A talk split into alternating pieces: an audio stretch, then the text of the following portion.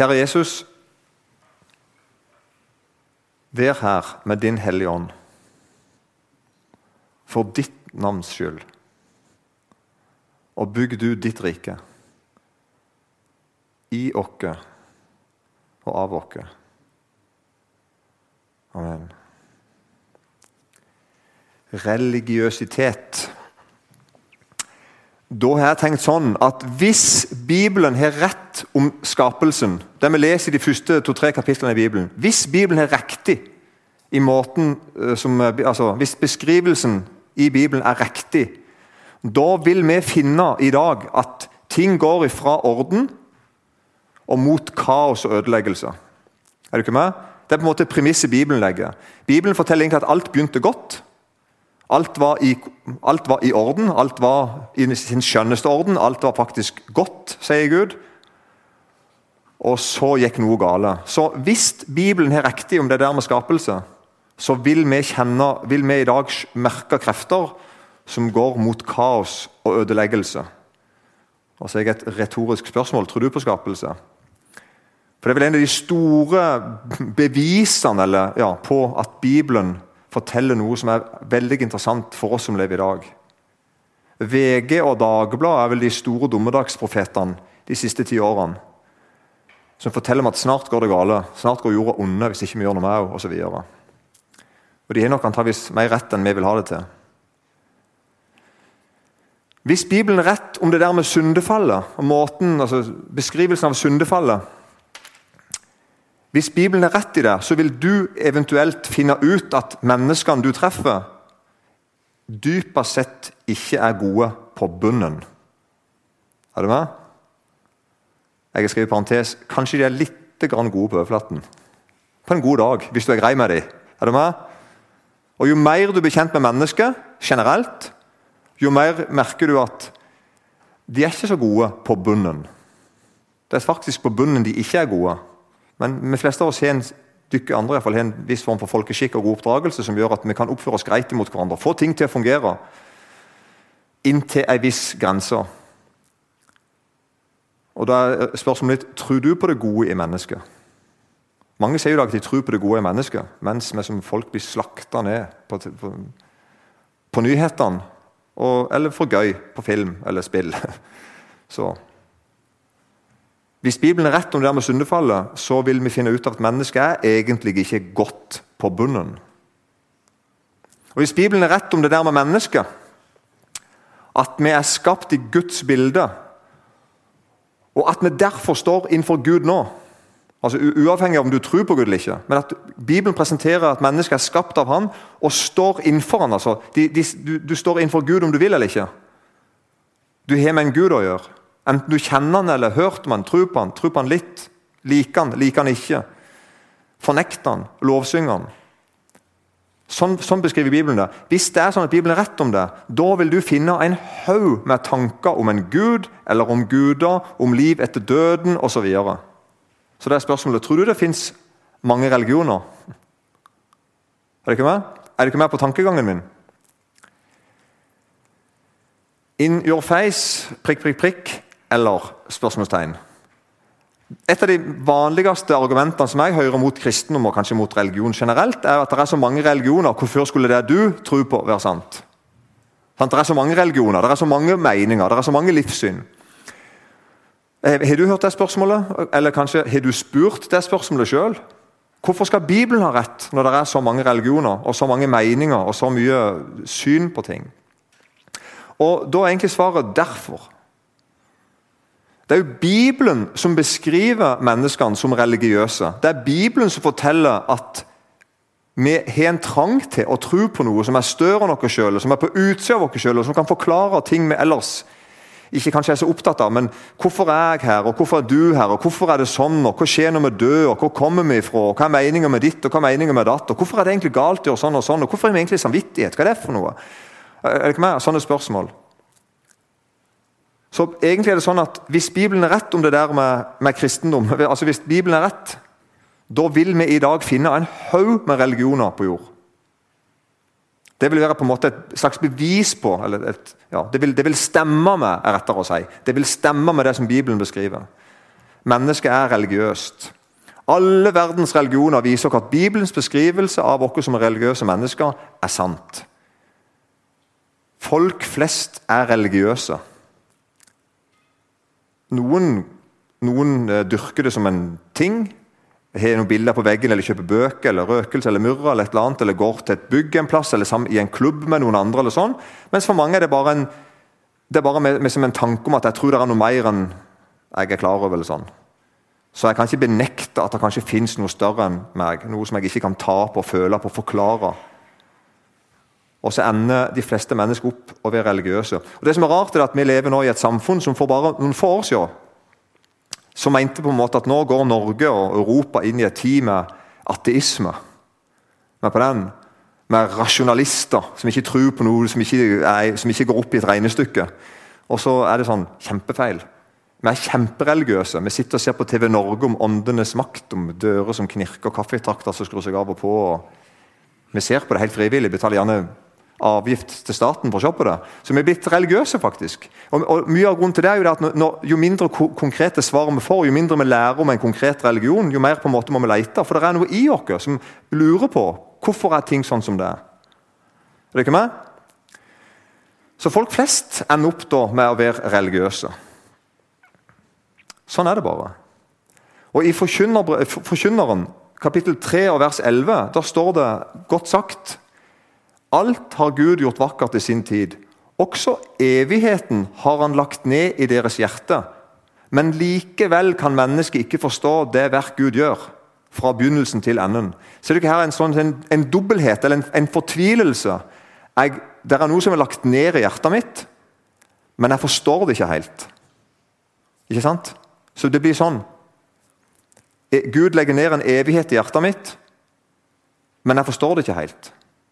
Og der, Det beskriver mennesket ganske godt. Og Det er noe av grunnen til at vi leter. Der er noe i meg, der er noe i deg, der er noe i oss som jeg ikke kommer utenom. Og så leter vi, men vi forstår det ikke helt. Vi, blir, vi er religiøse. Og Derfor ser vi sånn at Gud skapte mennesket til samfunn med han og hverandre. Når Gud skapte, når Gud skapte Adam og Eva og, og kloden, og universet, så ser vi at han skapte de til å ha samfunn med han. Og han skapte menneskene til å ha samfunnet med hverandre på forskjellige måter. Han skapte ekteskap, vennskap, fellesskap. Mange sånne arenaer der jeg og deg er i lag. Og der vi òg skal være i lag med Gud. Vi kjenner på dette, ikke sant? Og Hvis vi leser i Romerbrevet kapittel 1, vi skal lese noen vers der, i Romerbrevet kapittel 1 og vers 19, der beskriver på en måte Paulus det falne mennesket. altså Det mennesket som har mista Gud. Men vi ser her at beskrivelsen går ikke ut på at mennesket som mista Gud, slutta å tro på noe. Nei, vi begynte å tro på hva som helst. på en måte. Og Romerbrevet 1,19 begynner sånn For det en kan vite om Gud ligger åpent for dem. For Gud har åpenbart det for dem. For hans usynlige vesen, både hans evige kraft og hans guddommelighet, har vært synlig fra verdens skapelse av. Det kjennes av hans gjerninger, for at de skal være uten unnskyldning. For enda de kjente Gud, æret eller takket de ham ikke som Gud. I stedet ble de tomme i sine tanker, og deres uforstandige hjerter ble formørket. Her beskrives de som mennesker som mister Gud. Hva skjer? Mens de ga seg ut for å være vise, ble de dårer. Og de byttet bort den uforgjengelige Guds herlighet mot et bilde, en avbilding av et forgjengelig menneske, av fugler og firbente dyr og krypdyr. Derfor overgår også Gud dem i deres hjertes lyster til urenhet. Til å vanære sine legemer seg imellom de byttet bort Guds sannhet mot løgnen og æret og dyrket skapningen i stedet for skaperen, han som er lovprist i evighet. Amen. Og Så hopper vi over noen vers, og så kommer det i vers 29, Romerbrevet 1, 29. Så beskrives mennesket. De er fulle av all slags urett. Umoral, griskhet, ondskap, fulle av misunnelse mordlyst og strid, svik og falskhet. De ble ryktemakere, baktalere, gudshatere, voldsmenn, overmodige storskrytere, oppfinnsomme til ondt, ulydige mot foreldre, uforstandige, upålitelige, uten naturlig kjærlighet, ubarmhjertige. Og så konkluderes det liksom med de kjenner godt til Guds rettferdige dom, at de som gjør slikt, fortjener døden. Likevel gjør de ikke bare slikt selv, men de holder også med dem som gjør det. En uhyggelig beskrivelse. Men vi ser det var ikke sånn at når menneskene falt i synd, når menneskene går vekk ifra Gud, så, det, så fortsatt tror vi på noe.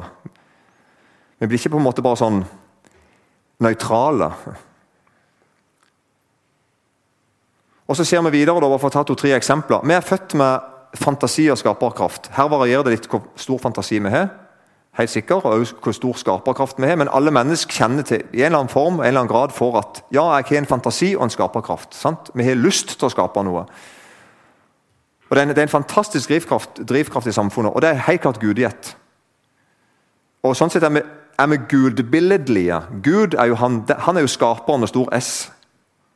Og så Når vi er skapt i hans bilde, så, så vi med oss noe av det samme. Vi òg kan skape ting. Ikke ut av ingenting, men ut av noen ting. Og så er det skrevet bare to, to eksempler, to motsetninger. Vi kan utvikle en pille som kurerer skumle sykdommer. Eller vi kan utvikle en pille som tigger livet av et foster i mors mage. Er dere med på hva jeg vil fram til? Jeg kan ikke si at min fantasi og min skaperkraft den er bare god siden han er gudgitt. Nei, jeg må innrømme det. At selv om det er gudgitt, at jeg er skapt med fantasi og skaperkraft og skapervilje, og du òg er det, så kan jeg allikevel gå den ondes æren eller Guds æren i måten jeg bruker mine evner til. Er det ikke med? Likeens jeg er født med seksualitet og trang til fellesskap i en eller annen grad. Her er vi jo forskjellige, ingen er like. Men de fleste kjenner seg igjen i at ja, jeg, jeg kjenner til det. Og Da har jeg skrevet her at vi kan inngå gode relasjoner til hverandre. Eller vi kan voldta og ødelegge, for å sette opp to kontraster. Sånn at det som er gudgitt hos meg, det er på en måte på tur. På ville veier.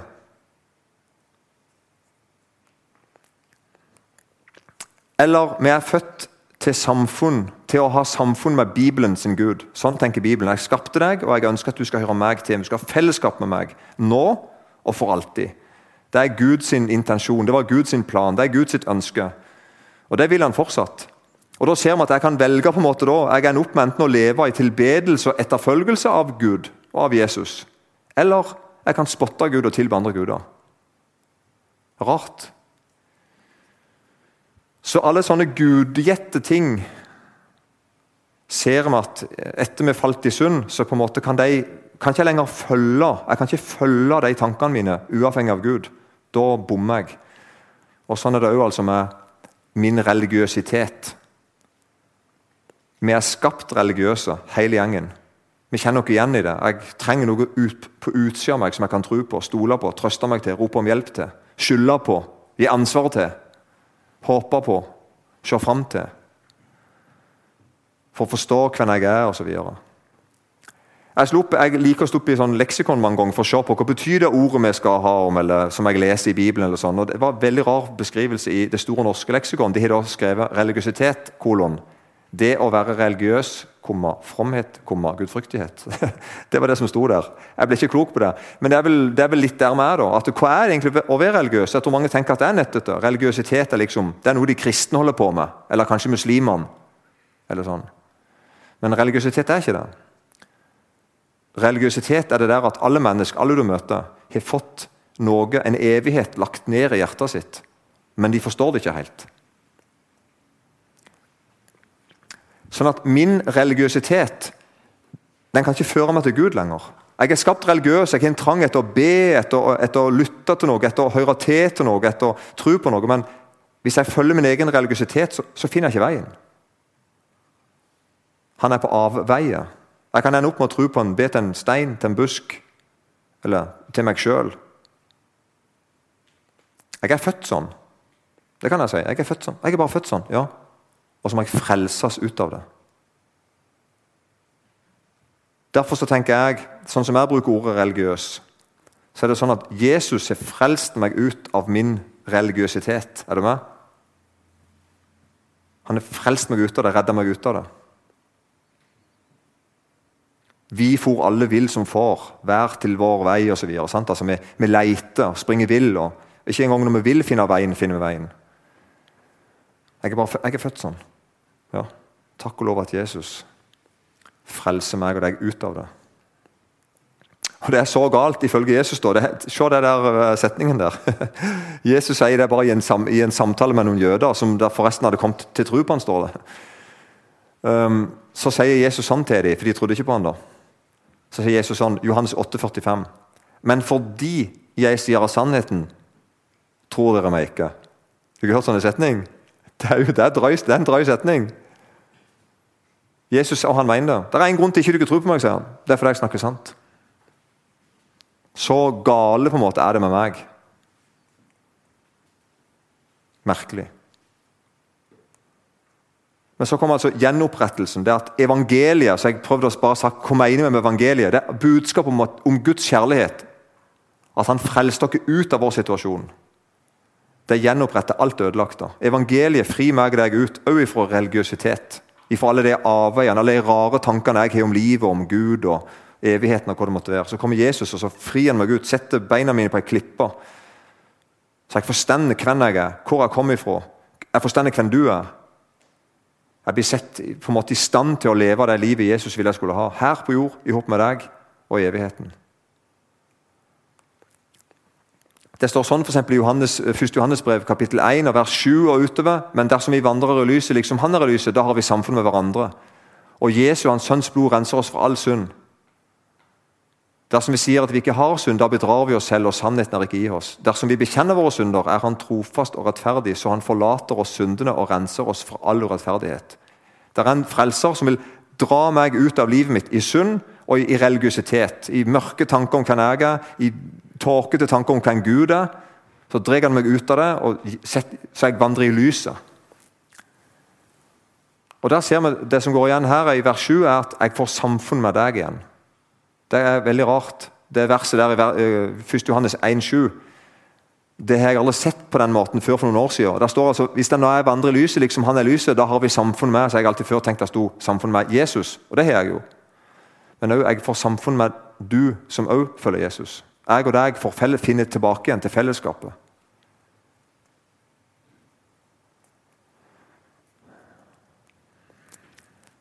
Så det å være religiøs er å være menneske.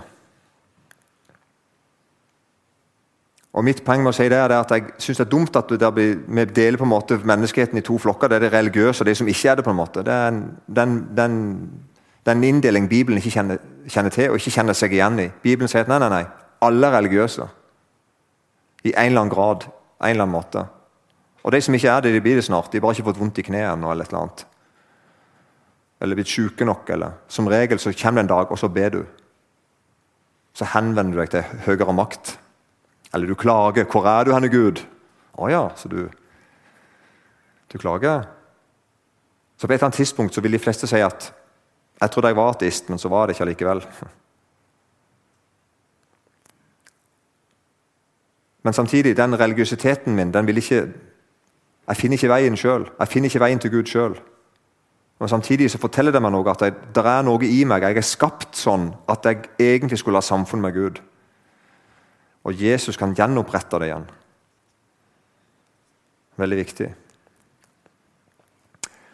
Dette tror jeg jeg har sagt en gang før på Logos. Det gjør ikke så mye, for det er noe av det beste jeg har å si. Du står for Gud. Det er et litt sånn dansk uttrykk. Uh, du gjør det for deg på dansk. Du står for Gud. Den den der. Og Det betyr egentlig altså at det er, på en måte, det er en måte å se livet på. Altså, poenget er ikke at du står fysisk framfor Gud akkurat nå, men poenget er at det er, det er liksom Bibelen sin forkynnelse. Bibelen sier liksom at samme hvem du er, du er her nede på jord. Du står for Gud. Du har med meg å gjøre, betyr det. Om ikke du føler det akkurat nå, om ikke du vet det akkurat nå, om ikke du er bevisst på det akkurat nå, så sier Bibelen at nei, jeg tenker sånn at alle mennesker har med meg å gjøre. Og En dag skal hvert kne måtte bøye seg for han, ikke sant? Da vil alle måtte innrømme det. Ja, så var det du. Så var du Gud allikevel. Ja, så var du Herre. Så var det det som var sant. Men Bibelen, sånn at, Derfor sier vi at en dag skal du stå foran Gud. Det er sant. Men det er mer presist å si du står foran Gud nå. Det er mer presist å si, og det er mer sant. Og den der, Du skal en dag stå foran Gud, som også er sant. Da tenker vi på den dommens dag. Faren med det at vi kan tenke at ja, når jeg blir 73 år, eller 89 år eller 92 år, eller sånn, da skal jeg gjøre det. Og, og, og Da skal jeg stå foran Gud. Sånn at det, året før, når jeg er 78, for eksempel, høsten, da, da skal jeg bli kristen.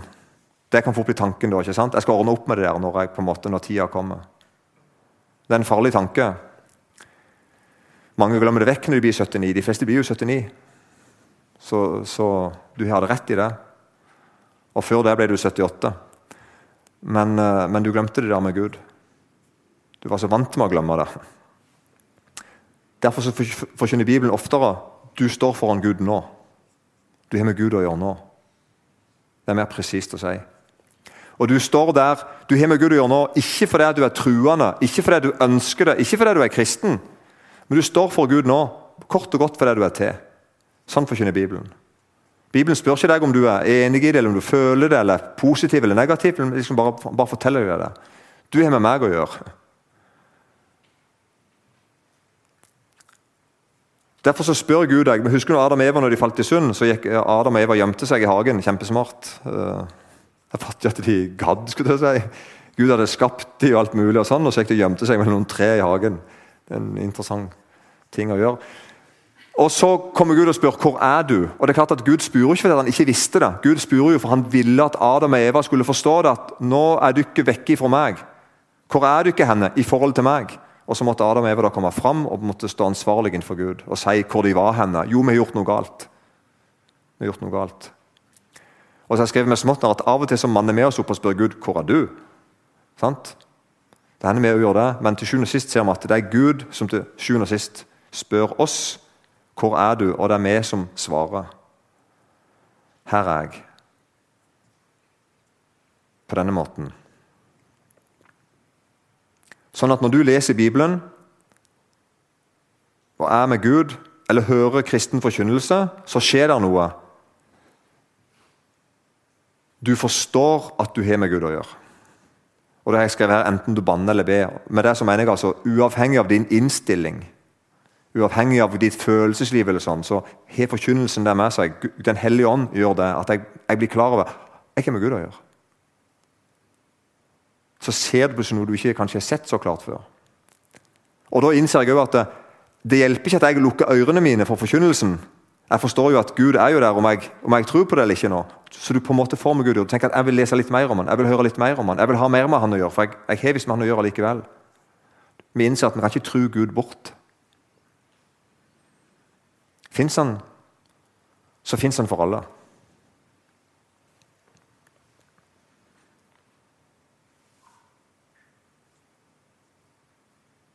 Derfor er det sånn at Når du leser i Bibelen om Gud sine krav og bud, alt det du leser i både Nye og Gamle testamentet, alt det du leser der, der Gud krever noe av deg, sier at ikke du er som du skal, forlanger noe, påbyr noe, forbyr noe Alt det du leser der, så roper en Gud til deg.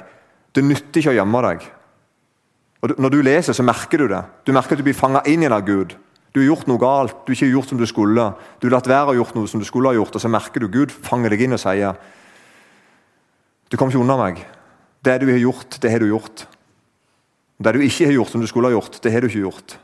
Og så merker du at jeg, det nytter ikke å gjemme meg. Gud henter meg inn igjen. Og så sier det alt det du leser i Bibelen om Guds nåde, at Gud elsker deg, at Gud går i døden for deg, at han frelser deg, at han rettferdiggjør deg. Da roper egentlig Bibelen til deg du behøver ikke gjemme deg, for du er tilgitt. Er du ikke med? Dette budskapet her, denne, denne Virkelighetsforståelsen her, den lever jeg i. Og Det, som er, det, som er, det er to alvorlige ting med denne forståelsen. Nummer én det gjelder meg. Og nummer to det gjelder alle jeg møter. Alle jeg møter, vet jeg, vet jeg dette om. Det nytter ikke å gjemme deg. Hvis Gud fins, så fins han for alle. Det nytter ikke å gjemme deg. Og så har jeg lyst til å fortelle du behøver ikke gjemme deg. Du er tilgitt. Få ting i orden igjen med Gud. Han ønsker å ha med deg å gjøre. Han ønsker å frelse deg og føde deg på nytt. Søren Kierkegaard, dansk, levde for lenge siden. En av de største tenkerne i Norden. helt klart. Han sa det sånn Du er for Gud Det å si det, du er for Gud, du står for Gud, det er både loven og evangeliet. Ene kan, det ene kan ikke forkynnes uten det andre. Det er det Bibelen forteller i alt han forteller. Du har med meg å gjøre. Både når vi forkynner loven, og når vi forkynner Guds nåde og evangeliet. Og Så sier han videre du er for Gud, du kan ikke unnslippe Gud. Det er loven, og Gud har ikke sluppet deg. Det er evangeliet. Sånn tenker vi kristne at gjelder for alle mennesker. Og så har jeg tenkt litt, Religiøsitet, hvordan ser det ut? Hvis en skal, og Det er dette jeg skal snakke mer om us, i en usladda versjon om et par dager til. Her skal jeg ta en, en, um, en uh, bare par, ta dere med på to-tre to, levende bilder fra bygda mi. Det kan dere glede dere til. For Vi har nemlig våre bilder i hodet av når vi hører ordet religiøsitet. Hva tenker dere på når dere hører ordet religiøs eller religiøsitet? Hva tenker dere på? Her er et bedehus i forbygda mi. Jeg tror mange tenker sånn. Religiøst det er de der folkene som samles på sånne små, delvis forlatte bygninger, og de blir færre og færre. Og godt er det! tenker noen. Ikke sant? Der er de basar, og de slår hverandre, eller sant? Så jeg kikket inn vinduet, sånn så det ut inne. Der ser du, aner du, ser du ikke en talerstol der, så er det et bord med noe pynt på, og så er det noen sånne gamle røyrstoler der. Sånn som noe, Det er religiøsitet. Det er noe som var litt før. Noe sånn gammeldags greier. noe Nesten sånn overtru-greier. ikke sant? Som besteforeldrene holdt på med. Sikkert fint for deg, men vi er ferdig med den tida nå. Nå er det slutt på den tida. Sånn tror jeg mange i Norge vil tenke om religiøsitet. Er ikke du ikke enig? Eller sånn. Rett og slett bare et Det her er et slags piano som du drar i, og så lager du lyd. Uh, du skal litt på et navn på det. Det er egentlig et spill du trekker i. Trekkspill. Noen tenker sånn, er det ikke med? Noen får noen bilder i hodet. Og det som jeg ser går igjen er at Ofte så tenker folk at religiøsitet det er bud og krav. Det er noe gammeldags, noe strengt, noe kjedelig eller noe sånn veldig avansert omstendelig. ikke sant? Et eller annet sånn, Åh, jeg blir, jeg blir trøtt av det. Sånn Er du ikke enig i det? Treffer jeg litt nå? Det, det, opplever jeg går igjen. Jeg tenker litt sånn sjøl om ordet religiøsitet. Jeg ser for meg fariseerne i Bibelen. De var, de var, jeg ser for meg de hadde langt skjegg og, og, og strenge klær og strenge briller og kjørte gamle, stygge biler. Og, og, var imot alt omtrent. Altså, du, du, har en sånn karikatur, ikke vel? så tenker du fysj noen folk. sånn skal iallfall ikke jeg være. Liksom. Det er vi som religiøse. De er, det, det, er noe sånn, ikke meg? Litt sånn. Og det kan godt være det er sant. Det kan godt være. Men det er likevel en altfor enkel måte å tenke at religiøsitet ser sånn ut. Og så er på en måte alle andre områder det, Vi går fri. Sånn at Her er et bilde av et moderne møte. Det var poenget mitt da, som jeg har vært på. Eh, jeg tror det er feil å tenke at religiøsitet er noe som er gammeldags. Og som gamle holder på med, eller som strenge folk holder på med. Jeg tror religiøsitet kan se ut just hvordan det vil. Det er egentlig bare et slags fellestrekk. og Det, er det, det er noe du har ikke med Gud å gjøre. Det er poenget. Med en gang du lever et, en gang du lever et, et kristenliv der du, der du, mindre og mindre har med Gud å gjøre. Er du med? Da, da slår det religiøsiteten inn. Da begynner du da begynner å, å, å, høre til andre stemmer og til andre, til andre autoriteter enn Gud sjøl. Så for de fleste mennesker på jorda har jeg skrevet her, så er, så er religiøsitet å tro på noe annet enn Bibelen sin Gud. Og det skal jeg, helt nå i slutten av timen nå skal jeg si litt om det, hvordan det ser ut for folk som ikke har hørt evangeliet. Det er ca. 2-3 milliarder mennesker akkurat nå som lever på jorda, og som aldri har hørt et Guds ord. Helt bokstavelig talt. Og For dem så handler jo ikke religiøsitet om å ha et dumt forhold til Bibelen. De har jo ikke et forhold til Bibelen. Så for dem handler religiøsitet om helt andre ting. Men for de fleste som hører det, det jeg sier nå, så handler religiøsitet antageligvis om noe som er blanda med kristendom. For det, det, er på en måte det, det er det markedet vi opererer nå. er Det ikke det? Det er det farvannet vi er her i. Her, De fleste som hører på dette, her, vet litt om kristendom, eller mye om kristendom. Og så vil da din religiøsitet, dine avveier, det vil, være, det vil, noe, det vil se kristent ut, iallfall. Og heite noe kristent.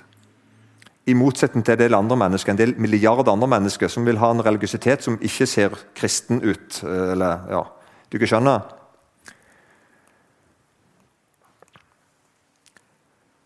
Så nå til slutt denne timen her, så skal jeg lese fra en gammel bok. Hun er 70 år i år, faktisk. skrevet av Asbjørn Aarvik. Hun har kommet ut i veldig mange opplag. Hun kom, jeg tror kom ut nå nylig igjen på et, i et enda et nytt opplag. Hun er selv de tusen på tusen. Hun heter 'De venter'. Og Det blir sånn sånn en klassisk bok om hedningemisjonen det er at det er faktisk mange millioner mange milliarder mennesker som ikke har hørt evangeliet forkynt sånn at de kan tro på det, sånn at de kan forholde seg til det, at de kan bli kjent med Gud. Og De er egentlig overlatt til sin egen religion og sin egen religiøsitet. De er ikke noe annet. Jeg er ikke gitt til Gud å tro på. Jeg skal, bare, jeg skal lese to ting. Jeg skrev 49 der, men jeg skal ta med én ting fra 40 òg her. så du hører det ikke. Det er ikke, lenge. 70 år siden så skriver Aspen Aarvik sånn. Dette er fra Asia. Han var misjonær i Asia. Hedning? spørsmålstegn. Da tenker nok du da tenker, da tenker, du med en gang på dypt falne mennesker. Noe så sort, så syndig og så urent at det er håpløst å forsøke å redde. Og jeg skal, enig, jeg skal være den første til å være enig med deg. Hedningen er dypt fallen. Om ordet hedning mener jeg altså noen som aldri har hørt Guds ord forkynt. Jeg hadde vært i Kina to-tre måneder da. En eldre misjonær skulle besøke en mindre by bortunder fjellene. Han spurte om jeg hadde lyst til å bli med, og selvfølgelig hadde jeg det. Mot kveld nærmet vi oss byen. De grå murene stiger langsomt, langsomt ut av kveldsdisen. Vi er like ved sørporten. Da oppdaga jeg, noen meter fra muren og like langt fra veien, noe som lignet en brann. Det trodde jeg det var, men ny på et sted vil jeg gjerne se. Jeg stakk da av fra veien og kikka over steinkanten. Hvor gammel jeg enn blir, kommer jeg aldri til å glemme dette synet. Nedi det jeg trodde var en brann, lå det fullt av små barnelik. Pikebarn som var drept like etter fødselen. Noen hadde de tullet et mattebete om, andre en gammel fille eller litt halm. Mange ingenting. Og jeg så i alle fall én slange i denne brønnen. Det var fordi jeg var så ny der ute, og fordi jeg kom fra Norge, at dette syn satte, så, satte et, merke, et merke dypt i min unge sjel. Jo, hedningen er dypt fallen. De tar som oftest det nyfødte barnet i føttene, holder, holder hodet nede i en bøtte med vann til det blir kvalt.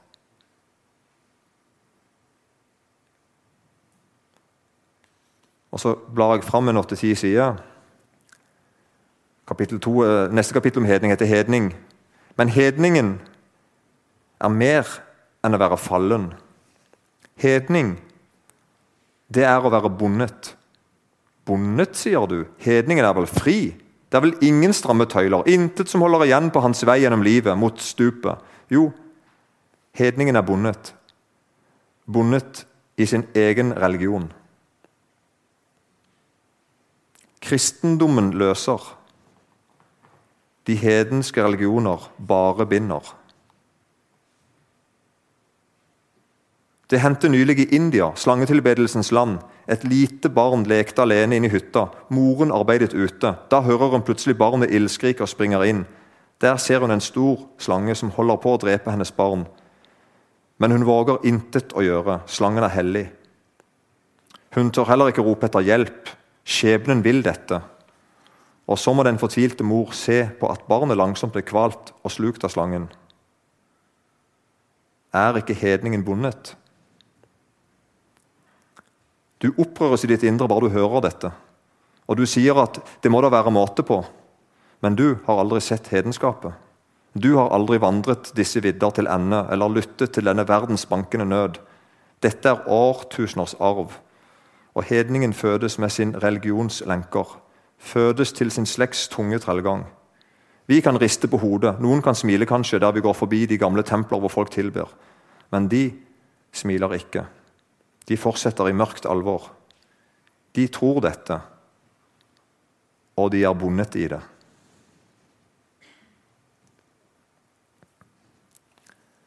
Så tegnes det et bilde av ja, jeg anbefaler boka for de som ikke leser henne. 'De venter', Asbjørn Aarvik. Du leser henne ganske fort, og så glemmer du henne ganske aldri. Og Den handler om at mennesket er religiøst, åkke som, og at Jesus setter fri. Det skal vi gjøre mer om i neste time. Kjære Jesus. Takk at du kjenner oss. Takk at du har tålmodighet med oss når vi går av sted med våre egne tanker om deg. Takk at du henter oss inn igjen, gang etter gang etter gang. Takk at du kalte misjonærer til å komme til Norge for lenge lenge siden og forkynne evangeliet til oss. Takk, Jesus, at jeg, at jeg kjenner deg. Vær med oss videre her i kveld. Amen.